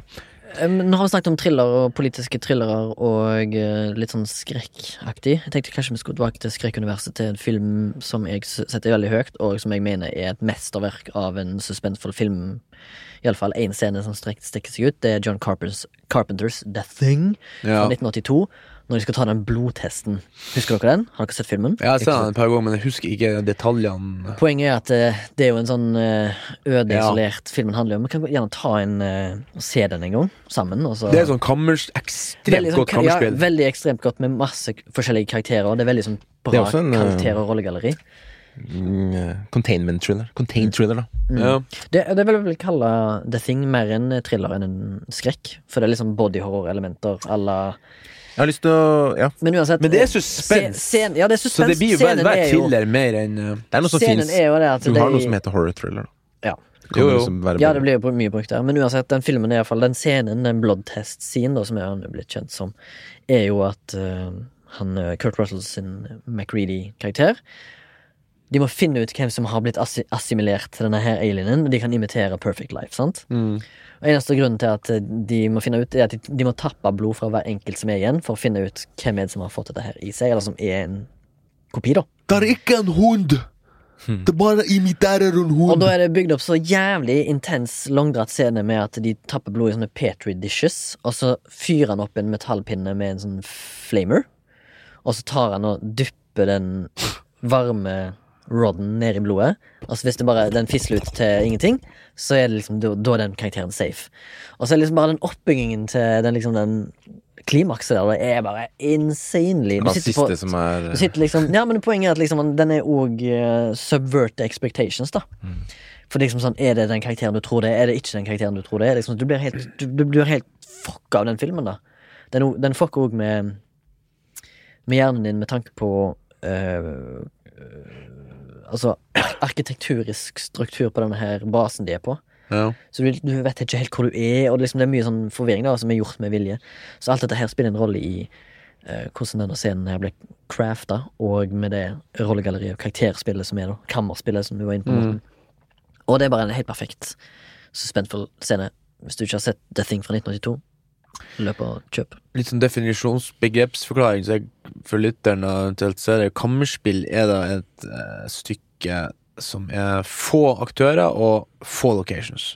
Ofte det man kaller for saturated writing, altså billig skriving der. Du har uh, ja, lite geografisk og lite skuespillere. Det, det, det sier seg sjøl at det er billig. Mm. Det er liksom ett rom. Men det er også en måte å Skap suspens. Ja, og så liksom krydre kreativiteten. For du lager rammer, Lane, for eksempel. Ja. Som jeg, jeg og du syns var overraskende bra. Mm. Uh, absolutt. For der har du jo også et liksom det er kanskje, det er, jeg vet ikke om det er så mye suspens der, men det bygger opp i mystikken. da Og liksom, ok, Hva er det som er ute, egentlig? Og spiller ball fram og tilbake der. Jeg får satt og tenkt litt på det. Vi kaller det for thrill, horror-thriller, men kan nok Noe som er kun horror? Det har tydeligvis sånn. Slasher har jeg. En eh, veldig gem av en Ja, men slasherfilm. er ikke det også thriller? Men jeg vil bare si eh, For jeg måtte sjekke opp det. Ikke sant? Ok, hva, er, hva er egentlig forskjellen mellom thriller og horror? Eh, og det jeg fant med ti minutter Google-søk, da, var liksom at en thriller vil jo skape suspens. Ja. Vil gjøre at du sitter på kanten av setet og er dratt i spenning, som du er spent på hva som skal skje. Mens en horror er opptatt av å skremme deg. Det bygger på fear, da. Altså liksom frykt. Eh, det er liksom de mest Altså den tydeligste forskjellen jeg kan se, da. For de er ganske like. Men den ene er liksom for å gjøre deg mer engasjert i historien, for hva som måte kan skje med karakterene. Mens horror Så er det liksom okay, ok, kanskje- hvem er det som dør neste? Så det er kanskje utnytt mer sjokk. Ja, det er derfor jeg vil si at Men det er mye er mer en i horror også. Jo, det mener jeg liksom, Men mye vanskelig, sjokk også. vanskelig å dele opp. opp. Jeg vil jo si at The Thing er en horror-thriller, men mer en thriller enn horror. horror. Ja. Favorittord, horror. Men jeg, jeg skal frem til en skrekkfilm som jeg setter jævlig høyt, som jeg føler også er sånn under the radar. Det er en fransk film av en regissør som heter Alexandre Aya. Som heter Switchblade Romance, eller Attention på fransk. Som eh, er en jævlig drivende god film, men òg utrolig spennende. Men det er liksom en slasher, da. Om eh, Det er litt masse elementer med litt sånn sinnslidelse og litt uh, lesbian lovage. Det er mye bra greier her. Gå, løp og kjøp og se den Jeg filmen. kunne skulle at det er mer kun horror, eller Nei, horror-thriller. den er, den er liksom Alexandra Aya er kjent for å lage kun horrorfilmer. Ja, sånn, ja. Men jeg føler den filmen der er det på en måte den som stikker seg ut i hans filmografi. Som er mer en thriller enn en horror. Fordi den filmen har en eller annen sånn Jeg føler iallfall historien og plottet og twisten og alt tilhører thrillersjangeren. Det er ikke en En ren skrekkfilm har gjerne ikke twists og plot twists og eh, eh, sånn subverting of expectations. Det er veldig sjelden det skjer i pur horrorsjanger, men filmen ble jo markedsført som en eh, slasher-skrekkfilm, sant, med thrillerelementer. Sånn som It Follows. Som liksom var så jævla opphypa. Liksom folk sa 'Herregud, så bra', så jeg så den liksom, Jeg syns, jeg, jeg syns det var så kjedelig. Ikke skummelt. Nei, altså, det, det er greit at du øh, er en sånn kar som følger etter, men liksom, det var liksom Jeg vet ikke hvorfor, men liksom, det var så det, Jeg syns det var liksom definisjonen på sånn tenåringsgrøsser, Jeg liksom. føler det samme med en thriller, da. Speed føler jeg er en sånn tenårings... Skal du huske den? den syns jeg var kul, liksom. Det var Den jeg var 15, kul på 90-tallet. og nå så er det bare sånn nesten litt sånn harry. Litt harry. Men det er en slags actionthriller, da. Ja, det er en actionthriller, vil jeg si, men den er veldig spennende. Hvis du, når, når jeg var 15, syntes jeg den var dritspennende og kul.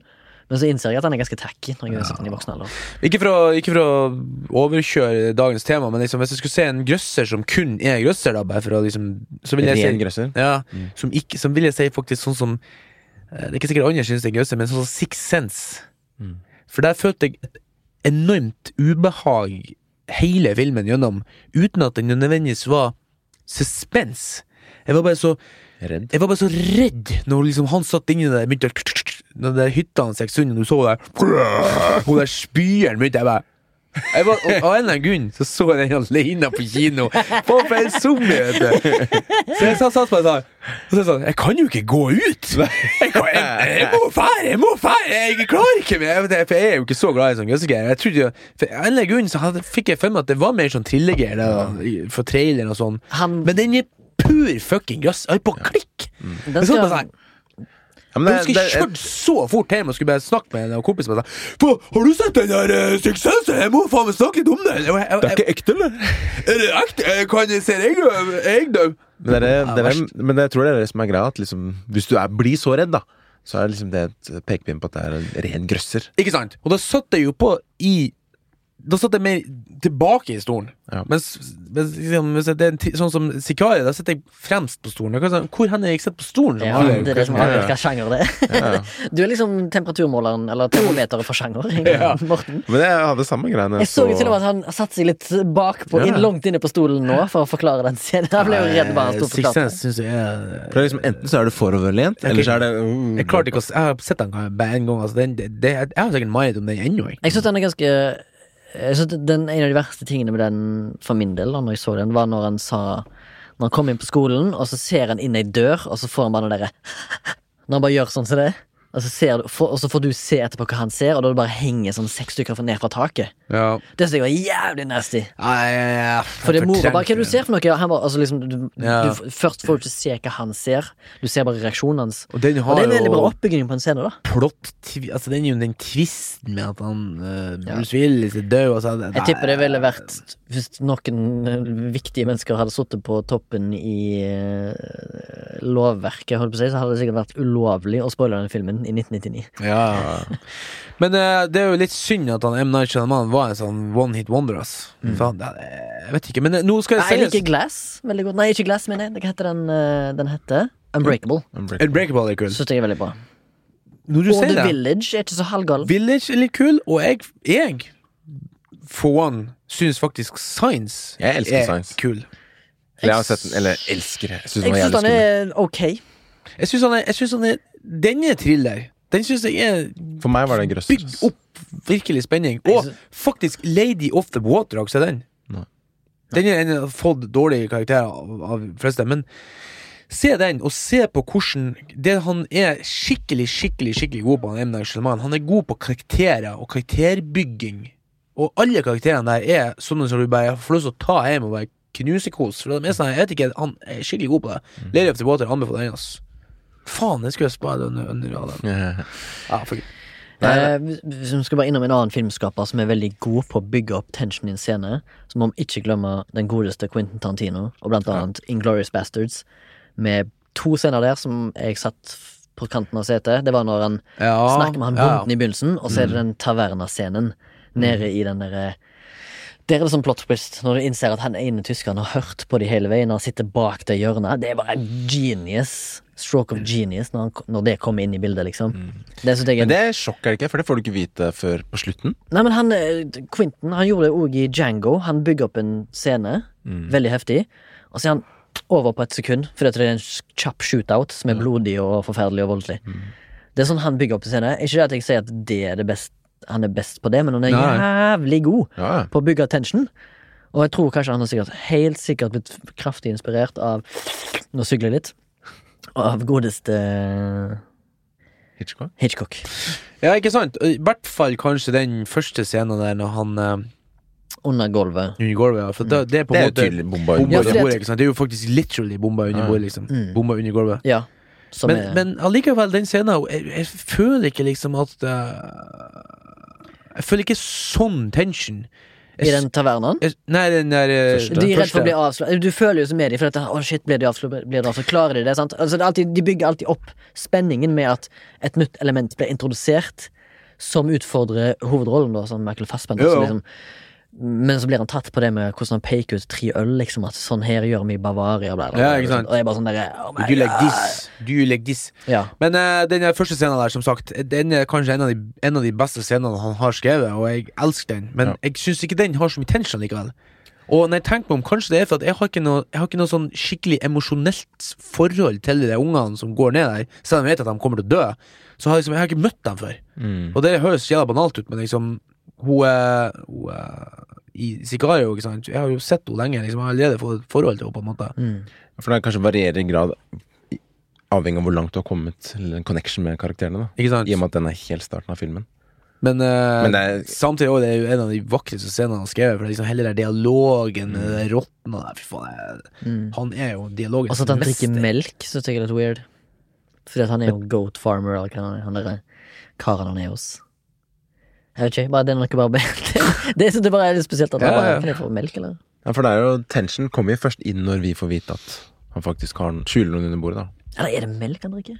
Jeg husker ikke. Jeg Og, og så er det jo spørsmål om tid. ikke sant? Så sitter der og venter. Ok, kommer jeg til å finne det ut eller ikke? Så sitter man og venter Mm. på det. Det er jo det som er essensen av thriller. da Ja. Jeg kan til og med, Når jeg gjorde litt research til denne episoden, så leste jeg om eh, hva, liksom, hva som inspirerte thrillersjangeren, og det er jo selvfølgelig det eldgamle forteller... Eh, eh, det, eller det eldgamle Hva heter det, da? Eh, menneskene har jo da hatt lyst til å fortelle historier siden tidenes morgen. Og det begynte jo gjerne med fortellingen av Odyssevs reise. Hvis dere husker den? Jeg husker jeg så en tegnefilm da jeg var liten, som er basert på Homer. Greske greske tragedier og komedier, eller hva det var. Ja. Greske historier. Som er liksom at han reis, eh, Han Odyssef skal reise hjem med kona si Penelope, og så må han liksom Gjennom mye farer, da. Han møter liksom Cyclops og det er Cerebus og alt det greiene der. Og så sånn, det, allerede det, for 2000 år siden, eller hva faen, han kom ut, så var det liksom Will he make it? da Det var de som leste bøkene. Var sånn, Vil han klare det? Sant? Det var suspens. Det var helt, helt nytt på den tida, jeg går ut ifra. Og så har det jo bygd seg opp til liksom andre verker som på 1800-tallet. Den derre Count Count of Monte Cristo, er det den heter? Ja. Husker du den? Greven av Monte Cristo. En Som er en sånn bok, som er en sånn thrillerbok. Og så har det selvfølgelig da kommet til eh, filmuniverset da på 20-tallet. Men er det ikke fascinerende at vi er så At vi er så At vi lar oss At vi på en måte setter oss inn i situasjonen når vi ser filmene. Liksom, vi lar oss lure. Vi, vi vet jo at hun Blunt ikke kommer til å bli drept. Hun er jo fuckings lead actress. Jo, og liksom men- en halvtime inn i filmen, hun blir jo ikke drept. Nei, nei, nei, Og vi men blir så nervøse. Vi bare tisser i buksa. Mm. det, bare, Fantastisk. det er fantastisk, sant? Men eh, ville det vært eh, Hvis du ser for deg Nå har jo eh, sjangeren thriller vart i 100 år. Mm. Hva, liksom, hva blir det neste vi kan klare å lage? Liksom? For Er det liksom samme gamle oppskriften vi må følge, eller må vi begynne med noe nytt? Og det er litt fascinerende. Ja. For det, nå, nå har det jo liksom vært, iallfall de siste par årene, vært prega av sånn eh, subversion of expectations. At du liksom skal lure publikum til å tro én ting til å bli noe annet. Med for eksempel, som du nevner, da, Morten, å drepe av karakterer når du minst venter det. Som et slags fortellergrep, som er liksom blitt benytta nå mye i det siste, spesielt pga. Game of Thrones og sånn. Mm. Jeg føler liksom ikke det har samme, selvfølgelig, utfall og substans, kan du si, i en eh, filmfortelling. Men eh, jeg bare sitter av og til og funderer på hva, liksom, hva blir det nest big thing innen thrillersjangeren. Og det er litt fascinerende liksom, hvordan vi skal eventuelt klare å liksom det, det er veldig etablert. Ja, og det fungerer jo fortsatt, da. Det fungerer, ja, Sier vi selvfølgelig. fortsatt blir jo Mm. Man blir jo redd. Og, og vi snakker jo mest om film her, men de bruker jo thriller i dramaserier også. Mm. Og der spenner du det lenger over tid, da. Og du blir Ja. fortsatt liksom engasjert, på som Breaking Bad, liksom. Eh, Ja, Der har du også begrep sånn som cliffhanger, sånn, som er liksom også en annen type grep, der liksom avslutt spenninga i, i en suspens. Som er, Der har du liksom suspens i neste uke. ja. Hvis det Nå er kan du gå en uke og vente på hvordan det gikk, liksom. Det, er- det er faktisk også en, en teknikk. mm. Nå har jeg liksom eh, spådd at det kommer til å bli nesten bare serier, men nå ser jeg jo det at filmen er jo absolutt ikke død, liksom. Det har jo vært veldig mye filmproduksjon i det siste, og flere faktisk som kortserier, der du har en time, men at det er bare fire til åtte episoder, liksom, som er liksom blitt Har kommet flere av, men nå siste, blant annet jeg så det der snøet da støvet legger seg, og eh, den andre jeg snakker om Thrillerserier er jo gjerne ofte de mest populære òg. Ja. Folk liker det jo. Eh, Krimthriller. Krimthrillere, ja. Ja. Seriemordere, ikke sant. Ja, ja, ja. Sånn type ting. Ja, det Altså, gøy. Det er gøy. Mindhunters, eller Mindhunter, er jo dritbra. Altså, det er Men er det- Fincher, ja, det vil jeg si. Fincher er jo ekspert på Han er thriller. en god thriller. Altså, Zodiac, en av de mest Ja. un underholdende thrillerne jeg har sett noensinne. Jeg kan se den om igjen og om igjen. Den er så sykt nydelig å se på, for det første. Og så er det så jævlig spennende, masse spennende scener. Sånn. Suspensfull scene der òg, når han skal ned i kjelleren til han uh, filmduden. Ja, Altså, ja, Fincher det. Det er Fincher. Er ikke han som også har Gone Girl? Gone Jo. Girl. Som Som er veldig også er ganske digg. Mm. Social Network føler jeg også er en slags sånn politisk thriller, på en måte. Ja. I og med at det er Føler det er noe mer sånn melodramatic, da. Altså det er mer sånn karakterdrama. Ja, men det er noe med den som liksom Jeg vil noe, ja, ja. Kanskje ikke så mye spenningsoppbygging men det er liksom noe med musikken og ja som gjør gjør den spennende, da. det er noe jævla lunt med den filmen. Ja, ja, jeg Ja. liker den godt. Men speaking of eh, thriller, det er faktisk eh, en film vi skal snart se, Mm. og som kommer til å ta opp i neste uke. Er det neste uke? Ja, altså når denne episoden er ute, så er det neste uke. Det er jo eh, Christopher Nolans Tenet, som har allerede hatt en sånn oppbyggingsepisode med et par episoder siden. Da vi snakket om to filmer som nesten alle venter på. Dette her er da en av de største store filmene som kommer ut nå. Og når du snakker om hva det neste er, da Jeg syns jo den type filmer som Nolan lager, da et, Det vi har fått vite fra liksom early reviews og sånt, at hvis du skaper filmer som slutter Som ikke gir deg alle svarene på slutten, da. Som på en måte tvinger deg litt til å se det på nytt. Og Men så kan det òg inspirere nye, unge filmskapere til å lage noe fett. Fordi jeg husker når Nolan kom jo han, kom, han gikk jo kraftig ut med blant annet en av de største Eller den hiten som gjorde han mest bemerka, er jo Memento. Som er en classic uh, thriller med masse thrillerelementer. Sånn setter publikum på prøve som ikke vet noe. Hovedkarakteren vet heller ingenting. Han, du, må finne, du må være med på reisen samtidig med han, liksom. Det er ikke sant at liksom At vi Den får tid og råd til å Å la litt mer sånn intellektuelle, tunge filmer som tar opp filosofiske elementer i seg. At det kanskje blir eh, en slags subgren Mm. fra en Villeneuve og en Nolan og Cohen-brødrene, og liksom at, at de får lov At de bare får lov å fortsette, liksom. At ikke de blir spist opp av, av produsentsystemet. Sånn som for eksempel Netflix og, og sånne som liksom Som kan liksom har Pumpe ut ting. Så pumpe ut sånn som for eksempel Ja, men de, de gjør også noe kult som er det At de gir liksom folk muligheten til å lage End of the Fucking World og Horse Girl Som er liksom ting som du ikke har sett før Som er quark og rart. rart hadde jeg som, liksom aldri sett på Netflix Nei, på kino. Ikke Horse sant? Girl, Vil jeg tro. Nei, men I jeg, hvert fall liten sjanse. for meg så, så ga det Den underholdt meg Og jeg er glad jeg har sett den Jeg sier ikke at jeg ikke ville sett den på kino, men jeg tror ikke vi hadde Den hadde ikke kommet på kino. Jeg tror ikke, jeg tror ikke den produsenten hadde sjanse. slippe han på Nei, kino. For han, han, han, han, det, er ikke en, det er ikke en kinofilm Ja, men det var for eksempel Annihilation, som vi har snakket om. Ja Som jeg. burde gått på kino. Burde og gå på kino, og ja. vi burde sett den på kino. Vi burde sendt melding på ønskefilm på Cinemateket og sagt Kan dere sette på Annihilation? Det er jo en sånn klassisk uh, creative difference-greie, ikke sant, med at du har en pengeperson som er redd, og så har du en pengepunge, og så har du han andre som vil få den visjonen ut, da. Tom pengepung Og der er jo Nolan på en måte, og Villeneuve, da, skjæringspunktet på kunstneriske og mainstream, da. De får liksom det til. Ja, De snakka jo om det på NRK, som jeg snakka om her, at han, Nolan er jo en av de få nå som får ubegrensa midler og friheter. Og det er nesten ingen andre enn liksom Kubrick som har hatt det hos Universal. Og så vet jeg ikke om det var en køddete meint overskrift jeg så en gang på et eller annet filmmagasin på nettet, men at Nolan og Quentin Tarantino er det eneste som på en måte holder Kodak Films Ja, i, ut, utfor k- konkurs, da. det er sant. Ja. Nei, ikke, ikke, ikke, ikke ut for konkurs, men Kodak Men- hadde jo lagt ned produksjonen av celluloid film. ja. Men Nolan og Villeneuve, nei, Quinten Quentin. Quentin fikk dem faktisk starte opp produksjonen. ja, ja, det var kan, av For dem, det var de var absolutt, absolutt ikke konkurs, men liksom det og liksom alle de faktiske eh, eksentrikerne som faktisk tar bilder med For det faktisk, det faktisk vært en veldig oppsving på å ta vanlig foto Mhm. med liksom eh, bildefilm. Mhm. Jeg eh, vil bare si to ord om at eh, han eh, Det er faktisk en myte at han Hitchcock sa det at skuespillerne var liksom kveg som måtte liksom horres rundt. For at det var faktisk For de har faktisk tatt en sånn her eh, debunking. Ja. Og det var faktisk Han har sagt det, men det var i karakter. Oh, ja. For han, han, han, er faktisk, han var faktisk teaterskuespiller, han Hitchcock òg. Ser du hvor lett det er å lure folk med Ikke å sant? si ting? Det Fake news. Og det er alltid bra spre fake news, men jeg tok meg inn. Ja, ja, men herregud, dette, dette her er ikke en 100% faktabasert podkast. I hvert fall ikke det som kommer herfra. Det kan være hva som helst. Morten får det Jeg har 50-50. noen blurbs, jeg òg, altså. Det er helt rett. Men altså, poenget, vår- poenget vårt er ikke å du være. Poenget vårt er ikke å være misvisende. Det er poenget vårt underholdende og være litt sånn Poenget er at vi skal kose oss her og liksom lære oss sjøl å kjenne. Ja.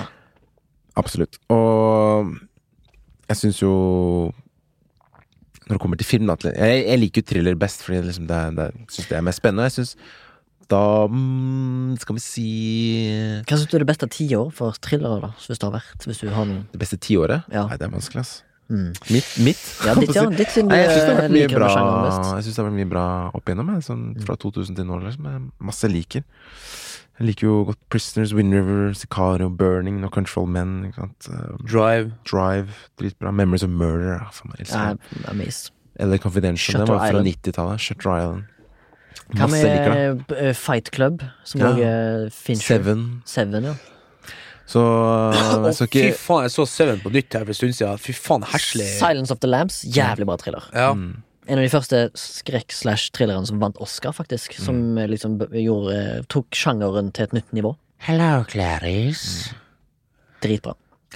Så, men- men horrorfilms er jo superpopulært uansett. For den drar liksom folk inn Ja, men den drar Men folk jeg, Ja, men hvis jeg skal se horror, så må jeg se thriller. Altså. Ja, jeg er helt enig. Jeg syns jo det er mer, mer substans. Mer sånn supernatural thriller, ikke sant? Der du har elementer av liksom utenomjordiske greier. Liksom. Jeg er føler, liksom du kan, ikke- jeg føler du kan dele en sjangeren horror da på eh, blockbuster, popkorn-horror, og så har du liksom eh, kvalitetshorror. Ja. Som er Ja, ja. liksom The Shining, It Follows, Mm. uh, andre ting. Jeg husker ikke. Six Sense, Sixth Sense. som er liksom tung. The Others. Ja, tunge, tunge The Orphanage. Men Så målet er liksom ikke bare er å skremme deg, men Nei, men fortelle noe. Bruk gjerne horror som et element for å fortelle noe, ja. Ja. Eh, Ja. Som kan være allegorisk, som vi var inne på i forrige episode. Here we go! Metaphors. Jeg, synes liksom, jeg tror i hvert fall hvis filmskapere da, eller regissører liksom satser på Jeg vet ikke. Jeg tror t å bruke thrillersjangeren da, Mm. er genialt. Fordi det skaper eh, engasjement. Istedenfor bare å ha noe tom Michael Bay-eksplosjoner som du ikke bryr deg om. da Du kan se på det her.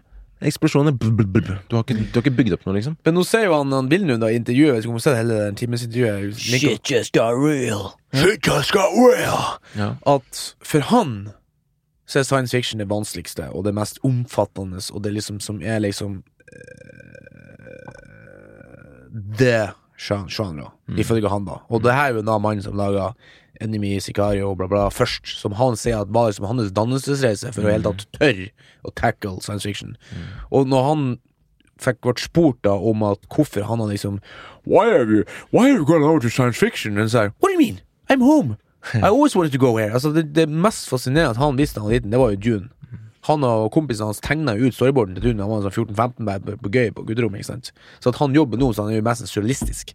Men når det er sagt, så vil jeg tro det at grunnen til at han Nolan og han liksom Villeneuve og til slutt han eh, Kubrick går til science fiction, er for at de, de fø- Jeg tror han føler at i den sjangeren har de minst begrensninger når det kommer til sånne her ekstremiteter, uten at det blir tacky. Ikke sant? At du kan ha liksom sånne her science fiction-elementer i James Bond, men da flirer vi og sier Å, herregud, det der går jo ikke an med sånn klokka med lasergreier. liksom. Men det, om 2000 år er det ingen som vet.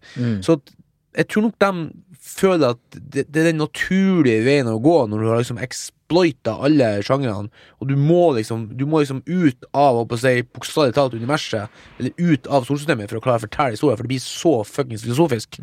Men så har de med seg thriller Ja. og drama og grøss whatnot som elementer de har på en måte mestra allerede, i hermetegn, da. For at, Vi har jo snakket om det at thriller er jo bare suspens, for å sette det på spissen. Det er det, det, er det som klarer å holde deg fanga. Så hvis du får pakka alt det inn i science fiction, så tror jeg nok det er det ultimate. Eller det kan være, da. Ja. Uten at det trenger å være, som vi snakker om er, du, det er derfor vi ikke tok science fiction her Jeg og du snakka mye om det i Mother versus uh, uh, den filmen. I am bother. I am Marlon. Don't bother Jo. me, eller? Nei, Sorry Ja. to bother you. Ja, Sorry sorry, to bare- bother. Av Boots Som Riley. begge toen, så vi fant ut faktisk begge toen er på en måte science fiction. Der de Ja, tar fordi opp det handler om filosofiske og eksistensielle spørsmål i Og du tar opp en ekstremitet som ikke er realitet i dag, men som, som liksom på en måte beskriver samfunnet på en litt sånn hyper, hyperaktiv måte. Jeg er helt enig i at uh, Glemte hva jeg skulle si. Men jeg er helt enig. Jeg syns jo science fiction for, Sikkert fordi de spørsmålene er også interessante for filmskaperen. da Ja. Meningen med livet og alt liksom, var mer liksom større ting da enn bare det å skape spenning. Og man kan jo i filmer også har flere sjangere som svinger, sånn som Parasite er jo et eksempel på det. Han går gjennom mange Ja. i den filmen. Du er på et tidspunkt er det nesten grøss. Det var så mange eh, Det hadde så mange sjanger, og så var det en backward slash, og så ny sjanger, og så backward slash, ny sjanger, backward slash, ny sjanger. Når du så liksom om filmen, Og han gjør det jo mesterlig. så var det liksom thriller, drama, komedie, liksom, plutselig. Ja, det er det. Uh, men uh, innom sjanger, da, så er det en eh, screenwriter og en scholar. Hva er en godt norsk ord for en scholar? En akademiker Akademiker. som heter Eric R. Williams, som har identifisert eh, thrillerfilmer som en av elleve eh, altså fastsatte sjangre som screenwriters eh, blant annet skriver ut ifra, da, når de for eksempel blir specwriters. spec-writers. Så er det gjerne elleve sjangre som liksom som folk spesialiserer seg på. Tenkte kanskje det har vært en jævla bra pekepinn på hva man kan ta videre i denne på en mini, kall det en serie da, med sjangerfokus. Og da kan jeg tenke bare skulle snakke om de ti andre, og så kan jeg jo nesten spørre noe om det er aktuelt å ta opp, da. Og det andre er selvfølgelig action, og så er det krim, så er det fantasy, og så er det jo skrekk, og så er det romanse, som jeg føler blir den kjedeligste, og så er det science fiction, som du er inne på, Morten, og så er det noe som heter Slice of Life, som jeg føler bare er sånn the story of daglig, dagliglivet, da, for det er jo det som er Slice of Life, er det ikke det? Du sa han der gutten av film i mange år. Ja, eller jeg vil, vil, kan, kan, ja, jeg vil kan, kanskje kalle Slice of Life bare hverdagsdrama, da. Eller melodrama. Kjøkkendrama. Kjøkkendrama. Uh, og så er det sports. Mm. Og så er det krig. Mm. Og så den siste. Det er en sjanger som jeg føler vi nesten alle snakker om. Western. Jeg skulle akkurat si Det er kult. Ja. Western syns jeg faktisk er Veldig gøy. gøy ass. Så tenkte jeg kanskje de ti andre der, at vi skulle i løpet av Flashbacks levetid, da. Iallfall innom gjennom. de ti. Så har vi iallfall sagt det. Ja, faen, Western er kul, ass. Den, jo den har kjøpt- liksom dødd litt ut, den. Mm. Den Sp. Spesielt spagettivester. Ja, Fy det- faen, er så herregud, som jeg så han Trinity da jeg var liten, altså. Åh, det elsker jeg. Hæ? Terence Hill. Ja, ja, ja.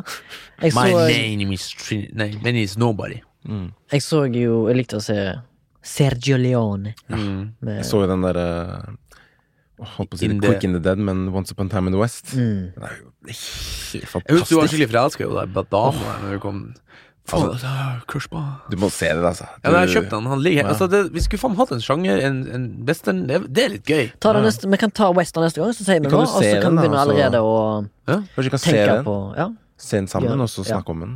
Once Upon a Eller snakke om western og den, Ja, liksom. absolutt. absolutt. Fordi den er Jeg har ikke sett mye western, Som sagt, boys, jeg er med på alt. men den er liksom I don't know. Og musikken din også. er fan- Han uh, Ennio Maricone. Ja, som Men bare vent, ass, når du ser hun Claudia Schiffer. Nei, dama, når hun kommer ut av dusjen. Smelte. Dun, dun, dun, Har du en uh, Under the Yes, Radar, Morten? Morton? I don't know if you had this one before, but I kind of like it. Oi. Is it a British one? It's not. What? what? I actually think it's What? Canadian. Fucking hell, now it disappeared from this fucking app. Shit, I have to Google it once more. Ah, you fucking Fucking wanker. Fuck you, Wanka. motherfucker. Det her blir mature uh, tagga, i hvert fall. Explicit. Parental advisory. This is a grown-ups podcast. I want to take this one, directed by Alex Proyai. Proy- Is it called Dog City? Pro ja. Har jeg tatt den før? Du har tatt den før. Men kjør på. Faen, ass. Ja, men det, Eller har du tatt den? Jeg har tatt Dark City. Ja, det Nei, hadde kanskje ikke. Dark City, det er en sånn her jeg eh, så liksom Vi har tatt den! Har du det? Jeg tror det. Vi har snakket om Dark City. Har jeg det? Faen, ass. Ta, skal jeg ta en, jeg, da? Men det er jo thriller. Det var derfor jeg Wait a second, wait, give me a second. Mm. Er det thriller? Sci-fi, iallfall.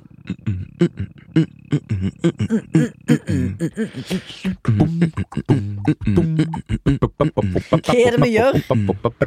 Nei, faen, altså. Jeg googler den her. Vi har jo snakka om alle er kule. Nattsvermeren og Jeg kan ta en film.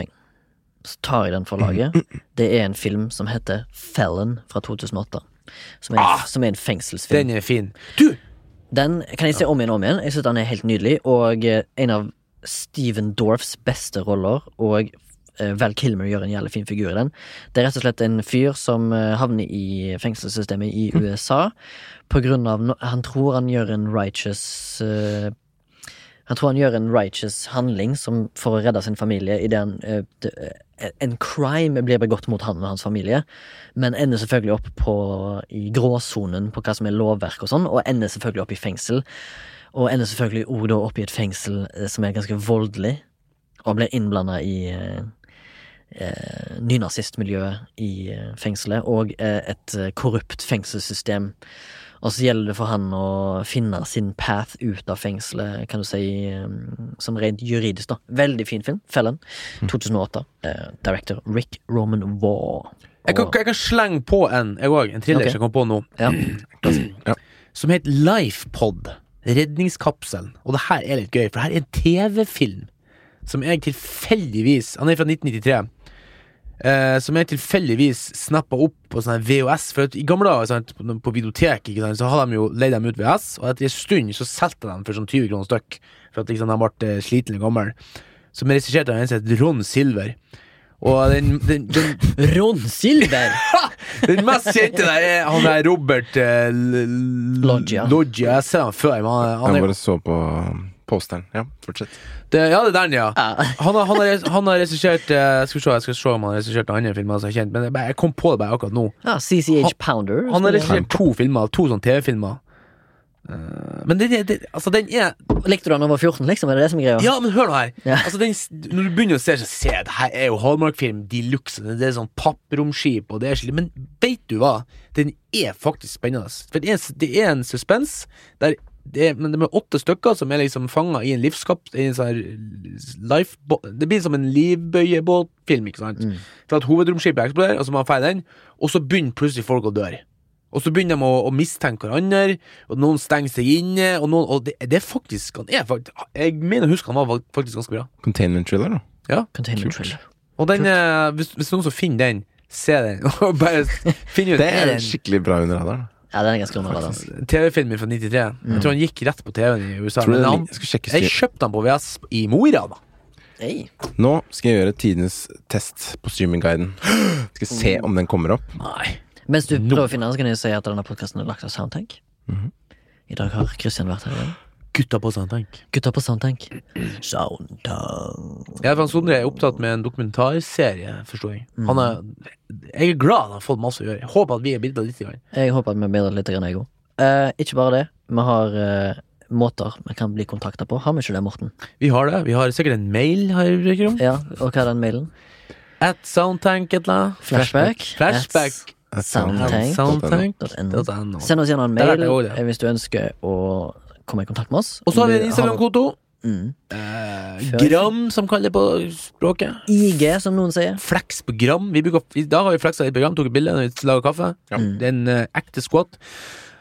Uh, da kan dere også sende en sånn direkte-message da og kommentere bilder. og sånn Og Vi har spott, spurt om tingene, men uh, folk er ikke så glad i å kommentere. tror jeg. Nei, folk er ikke glad i oss. Nei. Liker å tappe. Dobbelttappe. Ja, Like. Det jeg. Men del. del Men du kan òg følge oss og like oss på Facebook. mm. Eh, I tillegg så fins det en app og en beta et betalingssystem som egner seg veldig bra for donering av penger. Eh, Det er ikke akkurat noe med Så heter Vops. heter Vops, ja, og Vips. Eh, Vips, var der, de kan du, borte. der kan du søke opp uh, Soundtank, Ja. og så finner du opp Flashback, og så finner du en annen podkast, kanskje flere, jeg husker ikke. Uh, og der kan du gi et bidrag hvis du ønsker det, hvis du føler at vi fortjener det, og hvis du har lyst til å støtte at vi tre her uke etter uke jobber for å fylle ørene deres med både kreft og salver. Eh, Absolutt. og, på- og vi, gjør, eh, vi jobber gratis, vi ønsker bare egentlig å få så mye Nei, altså ja. Vi ønsker egentlig bare om, om Altså, støtt oss gjerne hvis du ønsker. Det er deilig å vite at du blir satt pris på. Det er deilig å du blir hørt på. Ja, ja. Det er liksom Altså, for å si det sånn, Vi har lyst til å gi litt tilbake til de gutta boys som også gjør det gratis. Og sitter og mikser lyden og styrer. og kommer her på kveldstid og hører på faens idioter som maser om det ene og det andre. Må høre på Morten, liksom. Ja. Åh, Nei da. Åh, vi hører på Baba, Å, liksom. jeg fikk jeg dårlig samvittighet. Fy faen. Nå må jeg hjem. Jeg fant Lifepod på streamingguiden. Nei! Så de de må jo ha noen sånn algoritme som henter inn all slags mulig greier. Ja, men-. Hvor, hvor, hvor, hvor, Kan er sikkert ikke se den noen plass. Det er ikke Den har ikke noe info om hvor man kan se den, da. Men de har den i hvert fall inne. Det går an å søke den opp, De liksom. har jo sikkert bare IMDb-algoritmene. Ja. Faen, jeg vil så se den. Jeg må kjøre hjem til Mo i Rana og hente på VS. Uh, Kjapp ting, har du sett den nye Batman-traileren? Nei. Må sjekke ut. Eh, Se Jeg er ferdig med Batman. Hæ? Sjekk den ut. Jeg er ferdig med Sjekk ut. Følg med Sjekk ut. Den er ganske kul. Det er Robert Pattinson. Jeg er ferdig med. Er vi ferdig Sånn med alt? Er vi ferdig med alt? Mhm. Er vi ferdig med alt? Er vi ferdig med alt? Er vi ferdig med alt? Boom, boom. Nei. Takk for nå. Ses neste uke.